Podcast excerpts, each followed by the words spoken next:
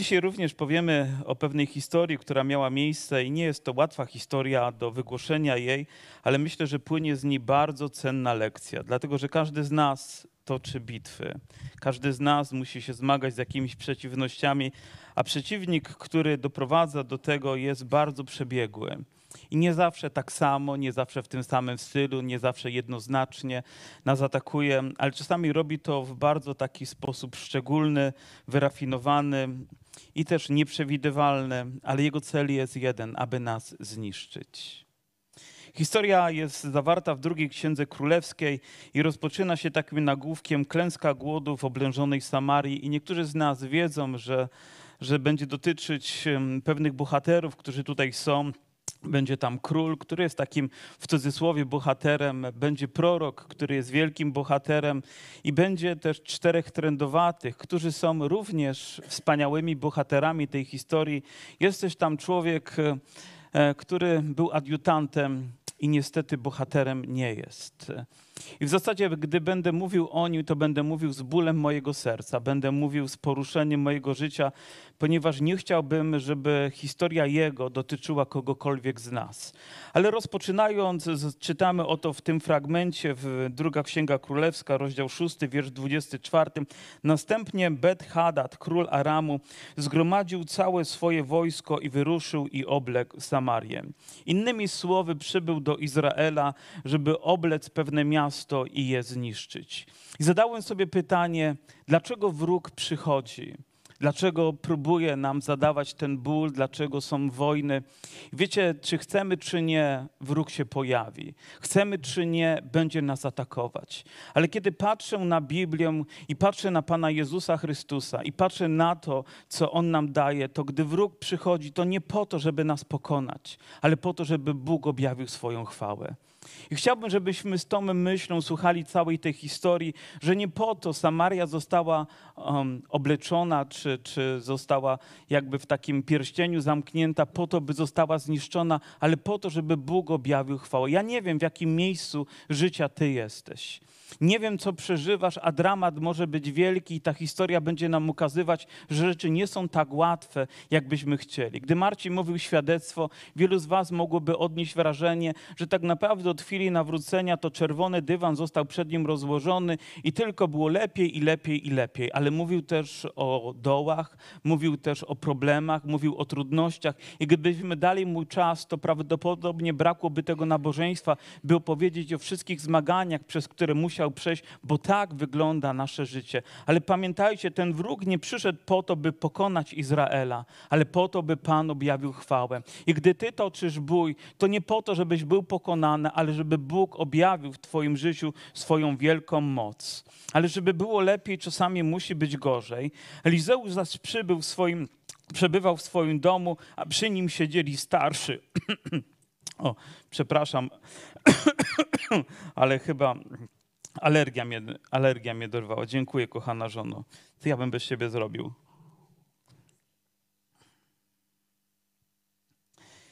Przepraszam, i nastał w Samarii wielki głód, a gdy ją obleżono, także doszła cena łba oślego do 80 srebrników, a ćwierć wiadra gnoju gołębiego do pięciu srebrników. Gdy pewnego razu król izraelski przechodził po murze miejskim, zawołał na, zawołała na niego pewna kobieta, mówiąc, ratuj mnie, panie mój królu. A on odpowiedział, jeżeli cię pan nie uratuje, jakże ja cię uratuję, czy sklepiska, czy stłoczni?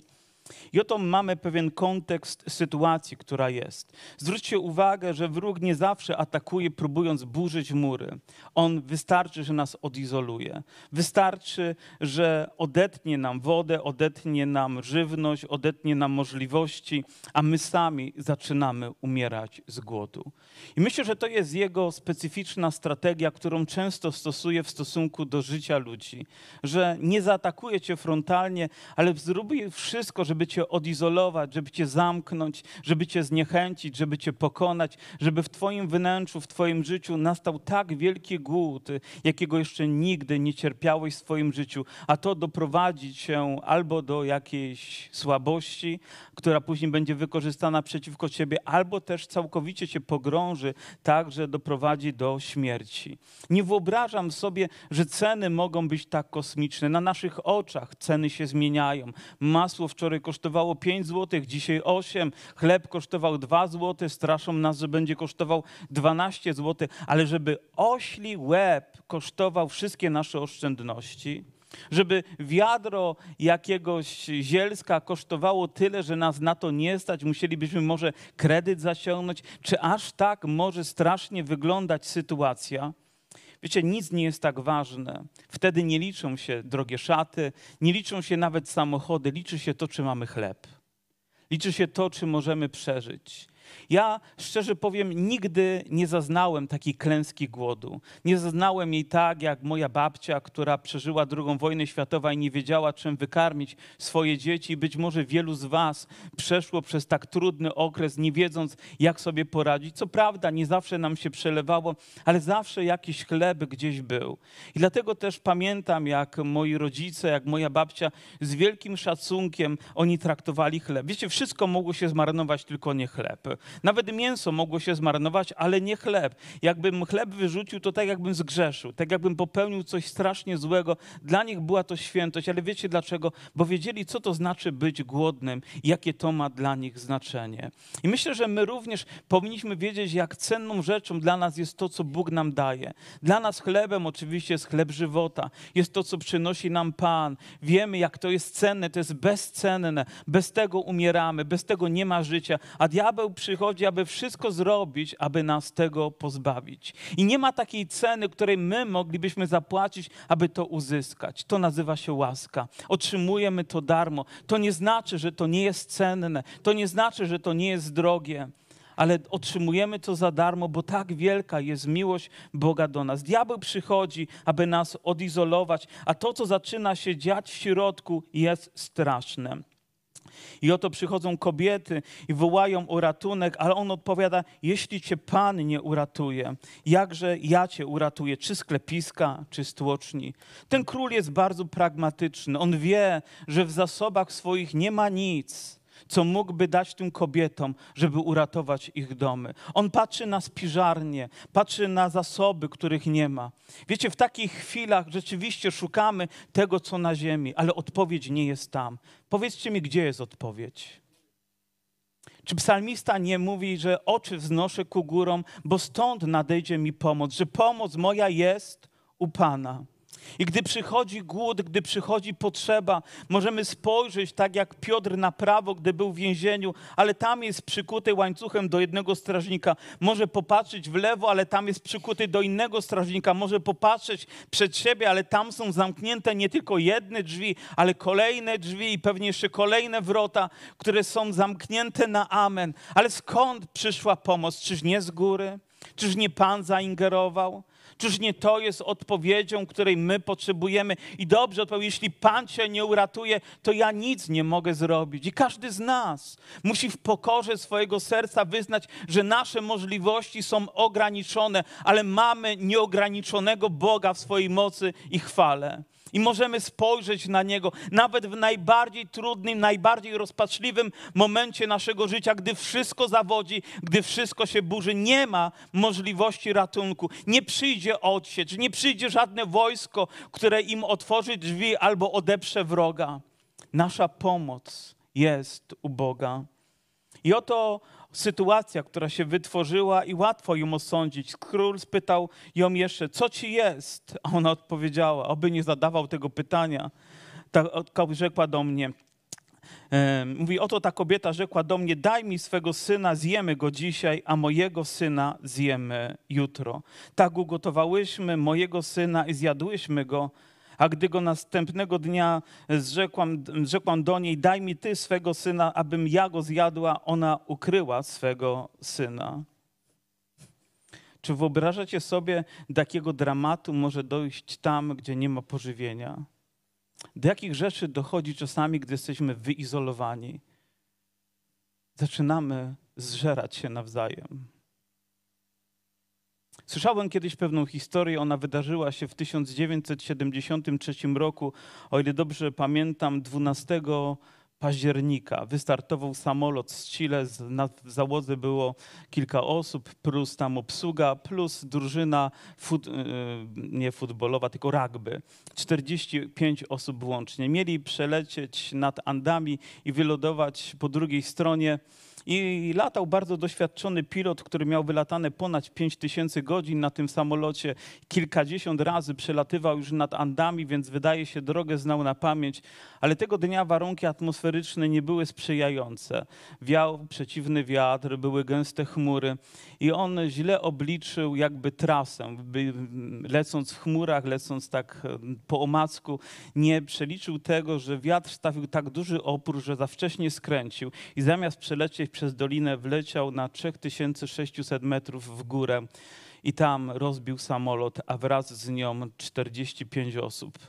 Od razu na miejscu zginęło kilkanaście osób, kilka kolejnych zaczęło umierać w wyniku obrażeń, które były na wysokości 3600 metrów. Próbowano ich szukać, ale warunki atmosferyczne były tak trudne, że oczywiście ich nie mogli odnaleźć. Mieli gdzieś jakieś radio, które próbowali uruchomić, uruchomili i dowiedzieli się, że po 10 dniach zaprzestano poszukiwania, ponieważ uznali, że już oni wszyscy nie żyją pozostawieni na wysokości 3600 metrów, bez jedzenia, bez picia, bez dodatkowych ubrań, w tym mrozie, w tych sytuacji. Ponoć człowiek wtedy potrzebuje dziennie przynajmniej 3, jak nie 4 tysięcy kalorii, żeby przeżyć ten dzień, a oni nie mieli nic. Próbowali rozdzierać nawet siedzenia, żeby szukać tam siana w środku, ale nie mogli znaleźć, bo była tylko pianka. Próbowali jeść paski od e, neseserów, czy tam od innych rzeczy, czy od walizek, żeby tylko się posilić, ale nie byli byli w stanie tego zjeść, bo to była po prostu czysta chemia, bardziej mi schodziła niż pomagała. Upływał dzień, tydzień, miesiąc, upłynęło więcej czasu, oni byli tak głodni. Wiecie, co się stało? Domyślacie się, co zrobili, żeby przeżyć. Przeżyło 16 osób z 45. I ktoś kiedyś komentując to powiedział: Nie wiemy, do czego jesteśmy w stanie się posunąć, gdy przyjdzie głód. Nie wiemy do czego człowiek jest w stanie się posunąć, gdy przyjdą tak katastroficzne warunki. Na szczęście oczywiście wyszła z tego miejsca jak pewna grupa, która zeszła w dół i sprowadziła pomoc. Po dwóch ponad miesiącach, 22 grudnia odnaleziono ich i uratowano, ale to, co przeżyli, było traumą do końca ich życia. Czytając tę historię i widząc historię życia, myślę, nie znamy siebie. Nie wiemy, do czego możemy zostać doprowadzeni. Nie wiemy, do czego zostaniemy doprowadzeni, gdy diabeł nas odizoluje, gdy diabeł nas zaatakuje, gdy przyjdzie wróg, odetnie nam źródła życia i spróbuje wykonać wszystko, by zacząć niszczyć nasze życie. A gdy król usłyszał słowa tej kobiety, rozdarł swoje szaty. A ponieważ przechodził po murze miejskim, lud zobaczył, że pod spodem na, na ciele miał wór pokutny. Widzicie, pozornie król wyglądał na króla ale pod spodem nosił włosienicę, nosił wór pokut, no, nosił coś, co sprawiało, że on nie mógł sobie emocjonalnie nawet radzić z tą sytuacją, że tak jakby wołał do Boga z głębi swojego serca, aby ratunek przyszedł. Proszę, nie oceniajcie ludzi pozornie. Nie wiemy, co jest w środku. Nie wiemy, jaki jest jego wnętrze. Nie wiemy, jaka jest prawdziwa jego postawa. My tylko możemy ocenić to, co widzimy, ale to Bóg zna nasze wnętrze. Bóg widzi nasze serce. Bóg widzi nasze potrzeby. On rozdarł swoje szaty i okazuje się, że, że kryło się pod nimi coś znacznie więcej. Wtedy rzekł, to niech mi Bóg uczyni i to niech doda, jeżeli dziś utrzyma się głowa Elizeusza, syna Szafata na jego szyi. Powiedzcie mi, czemu zawinił prorok? Oto przychodzi król Aramu, oto oblega miasto, oto nie mają jedzenia, ale dlaczego ma być winny prorok? Czy ktoś z was ma odpowiedź?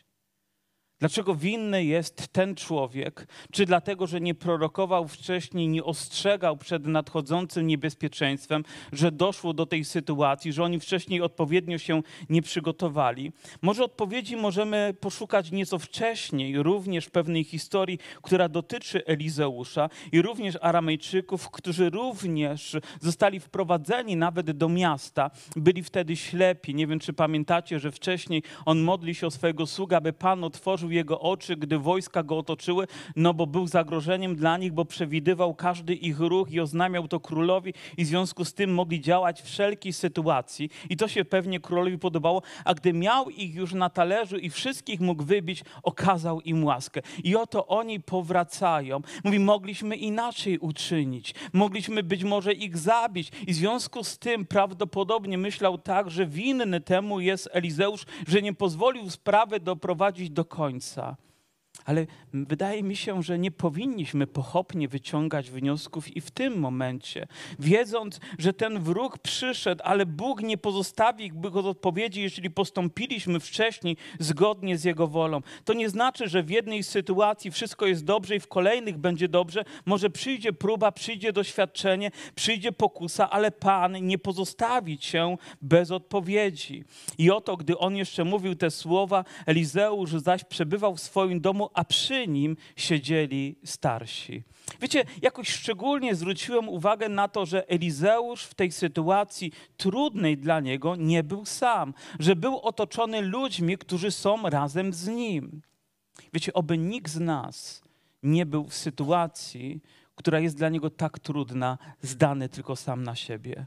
Chcemy czy nie, potrzebujemy innych ludzi. Potrzebujemy, by byli razem z nami, by starsi, by liderzy, by może ludzie z naszej grupy domowej, czy z jakiejś grupy modlitewnej, czy moi przyjaciele z grupy wsparcia, czy inni, aby byli razem z nami, aby modlili się, może niekoniecznie udzielali rad, ale po prostu byli razem z nami. Wiecie, tak wielu mamy przyjaciół, aż znajdziemy się w próbie i dowiemy się, na kim możemy prawdziwie polegać, bo większość z nich wcześniej czy później ucieka gdzieś dystansuje się, ale oni byli, oni byli wierni, byli razem z nim, oni otoczyli go pewnie również jakimś wsparciem. Król wysłał przed sobą posłańca i ten posłaniec, zanim dotarł, ten jeszcze mówi, ten syn mordercy oczywiście, że emocjonalnie reaguje, ale powiedzcie mi, kto nie reaguje emocjonalnie? Kto nie wypowiada słów, których czasami żałuje? Czy komuś z was się to zdarzyło, że wszyscy jesteście doskonali w mowie? Mnie nie.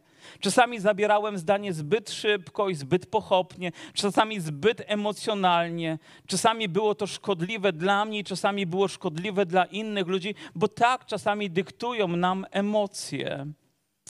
Ale Bóg i w tym jest jakiś łaskawy dla nas i mimo naszych błędów, mimo naszych uchybień przychodzi i ukazuje nam łaskę.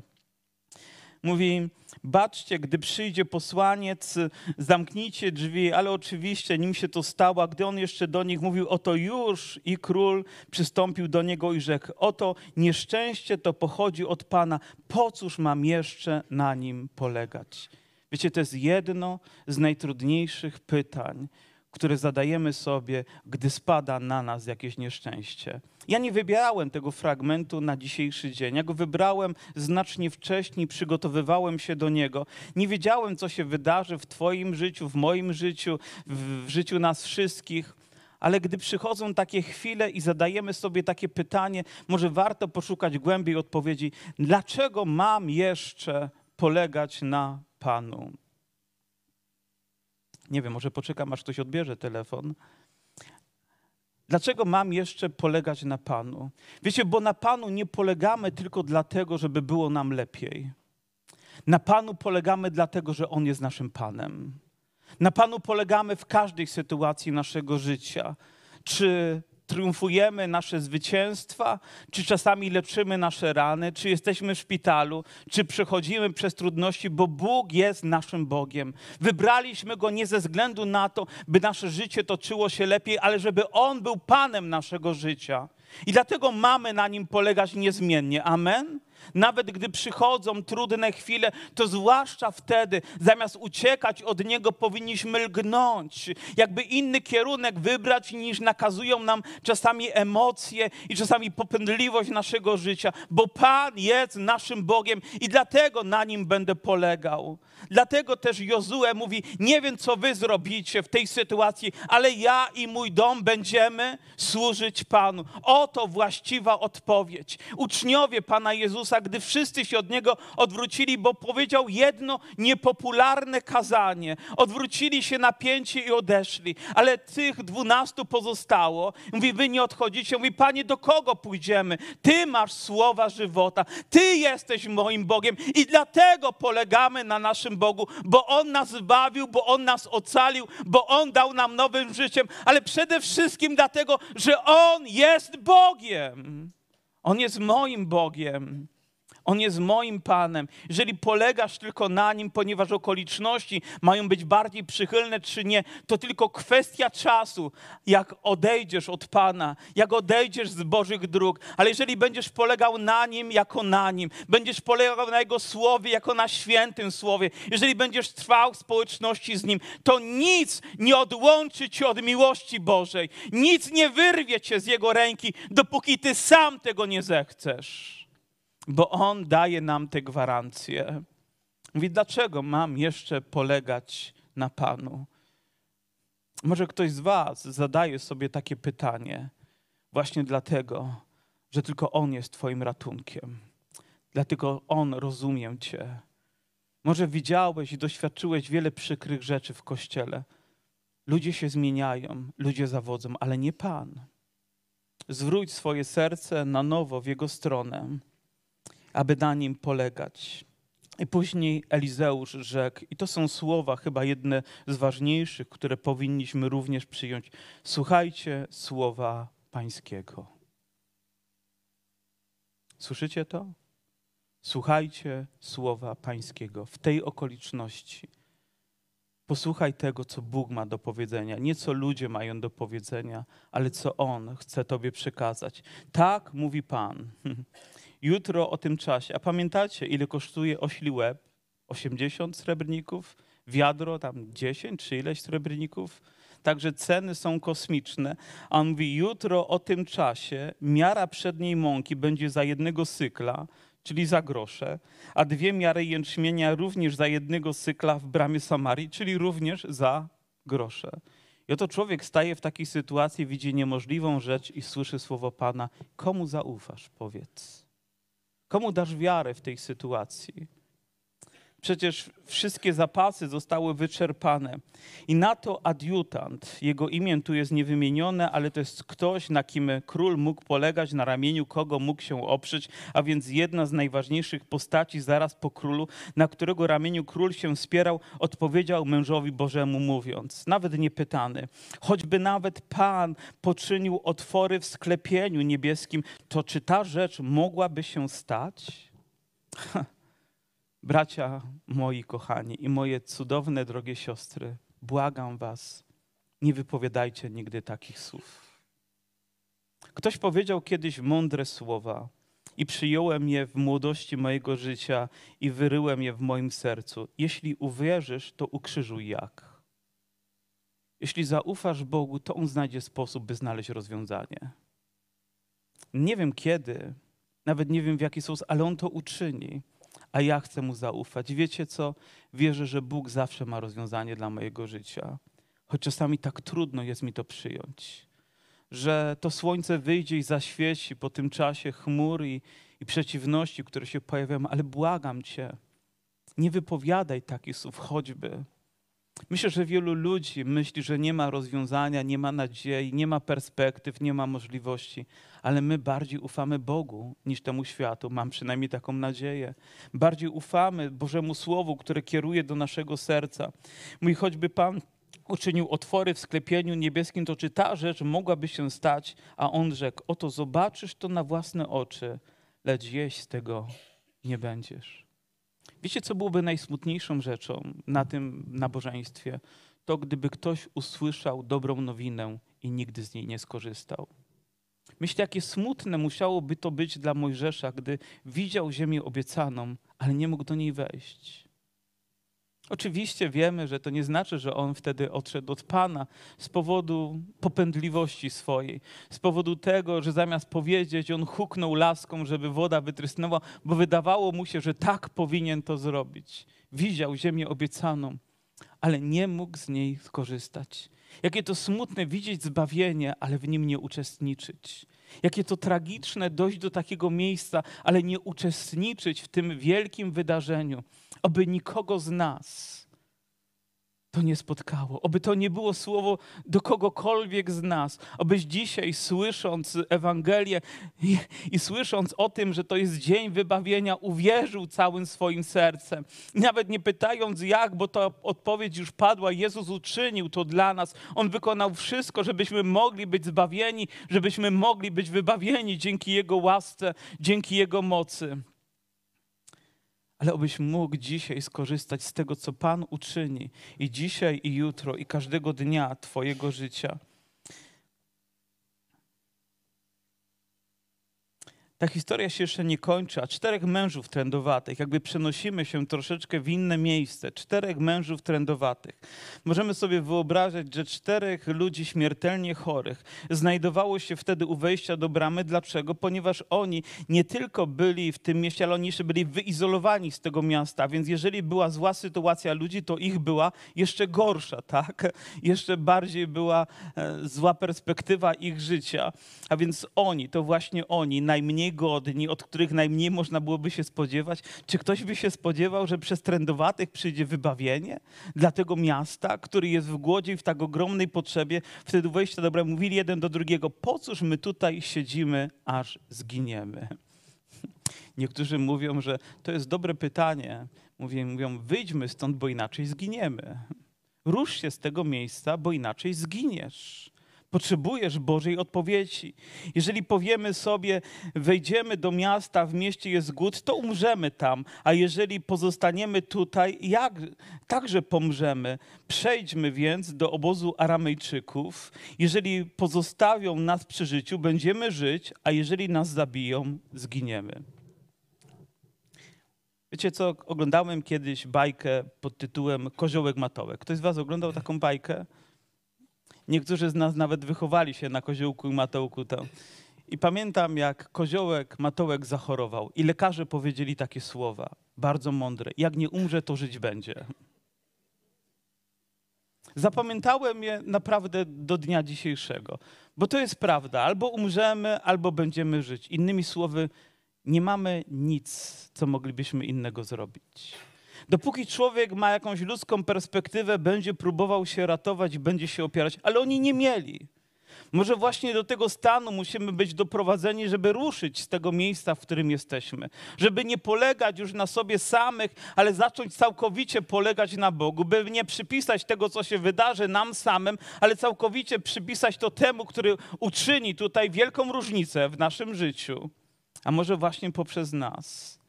Ciekawe jest, gdyby Pan dzisiaj szukał ratunku dla jakiejś sytuacji, do rozwiązania jakiegoś problemu i gdyby je miał wybrać spośród nas czterech trendowatych, to może właśnie wybrałby ludzi, którzy najmniej są tego godni.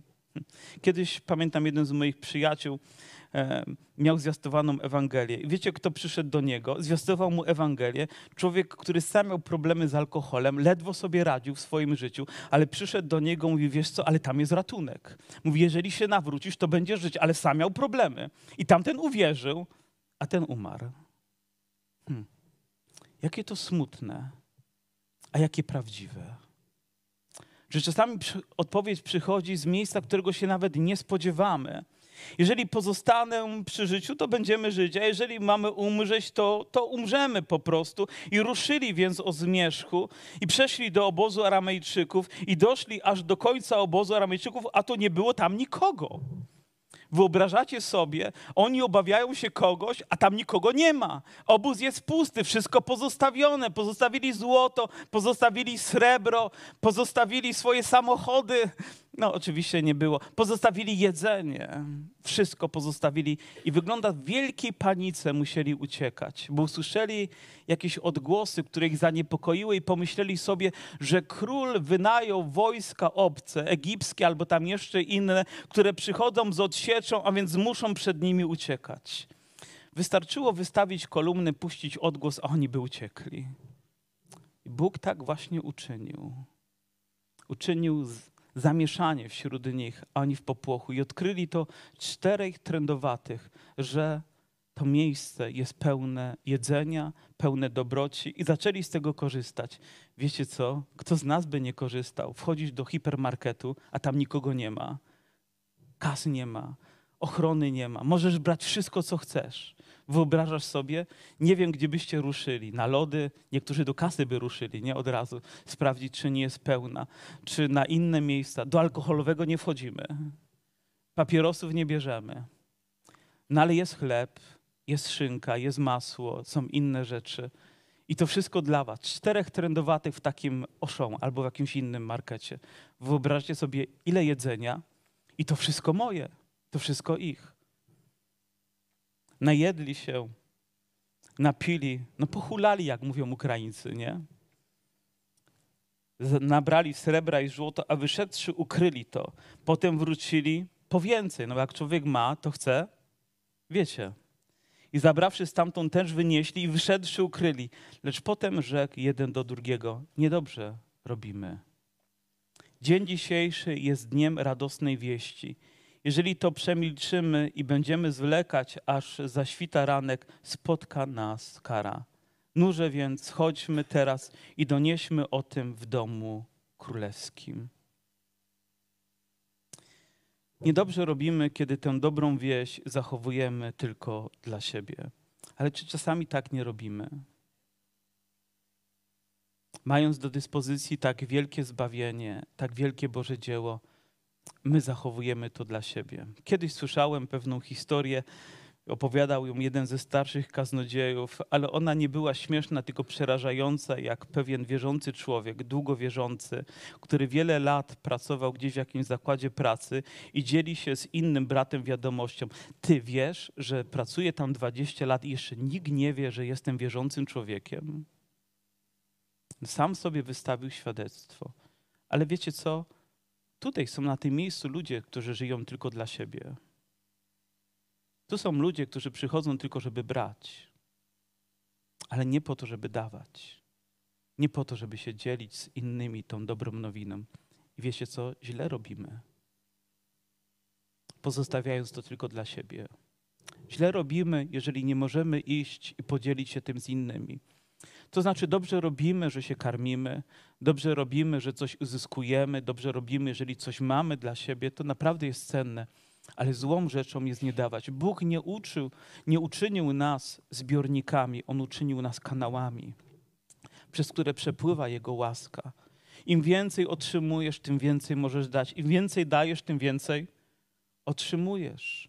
Ale kiedy zatrzymasz to dla siebie, to zaczyna się to psuć. Staje się zgnilizną, staje się problemem w Twoim życiu. A więc jesteś powołany nie tylko, żeby brać, ale dawać. Pan Jezus powiedział, i to cytuje apostoł Paweł, że bardziej błogosławioną rzeczą jest dawać, aniżeli brać. Choć nie czytamy tego nigdzie w Ewangeliach, ale on to cytuje w Księdze Dziejów Apostolskich jako zachętę też dla zboru w Efezie, abyśmy dawali, abyśmy byli błogosławieństwem dla innych. I oni tak też zrobili. Ale gdy król się dowiedział, bo oczywiście oni podeszli do straży, powiedzieli im, oni oczywiście donieśli o tym królowi, a król znowu kombinuje. Ale ja wam powiadam, że ci Aramejczycy, oni szykują pułapkę. Oni sobie wymyślili tak, jeżeli my wyjdziemy, a oni się ukryli za krzakami, i my wyjdziemy do tego obozu, to oni na nas napadną i oczywiście wtedy będziemy mieli problem. Otworzymy bramy, oni wedrą się do miasta. To taki tryg jak koń trojański był. Pamiętacie, że najpierw weszli, to tutaj chcieli w inny sposób pokonać. On myślał po prostu zdroworozsądkowo. Ale czyż nie słyszał słowa Pana? Wiecie, ile razy próbujemy przekombinować proste Boże Słowo? No tak, ale. No tak, ale wiesz, mamy inne czasy, mamy inną kulturę, mamy inne okoliczności, mamy inną sytuację, ale wiecie co? Ale Ewangelia jest ta sama. Zbawienie jest to samo, potrzeba jest ta sama, łaska jest ta sama. Jezus Chrystus wczoraj i dzisiaj ten sam jest na wieki. On nie zmienił się, on nie zmienił swojego upodobania, on nie zmienił swojego słowa. Jego moc nie zmniejszyła się nawet o jeden, o jeden jakiś tam ułamek siły Newtona czy czegokolwiek. Jego moc jest wciąż taka sama. Jezus Chrystus jest moim Panem i moim Zbawicielem, dlatego nie wiem, czy muszę przekombinować, może bardziej zdać się na łaskę Pana. To tak jak ponoć trzech teologów, którzy mówili, no najbardziej wierzący będzie ten, kto będzie chodził po wodzie tak jak Pan Jezus. A więc oni powiedzieli, że testem będzie przejście pod, przez wodę tam gdzieś do jakiegoś miejsca. No i jeden idzie i dochodzi do tego miejsca, drugi idzie, dochodzi do tego miejsca i trzeci idzie i dochodzi do tego miejsca. I ten mówi tamtemu, mówi ty, mówi skąd on wiedział o palikach, które są w wodzie? A tamten mówi, jakich palikach? nie było. Wiara potrafi nas znieść dalej. Nie kombinujemy, nie próbujemy po ludzki sposób umniejszać Bożemu Słowu.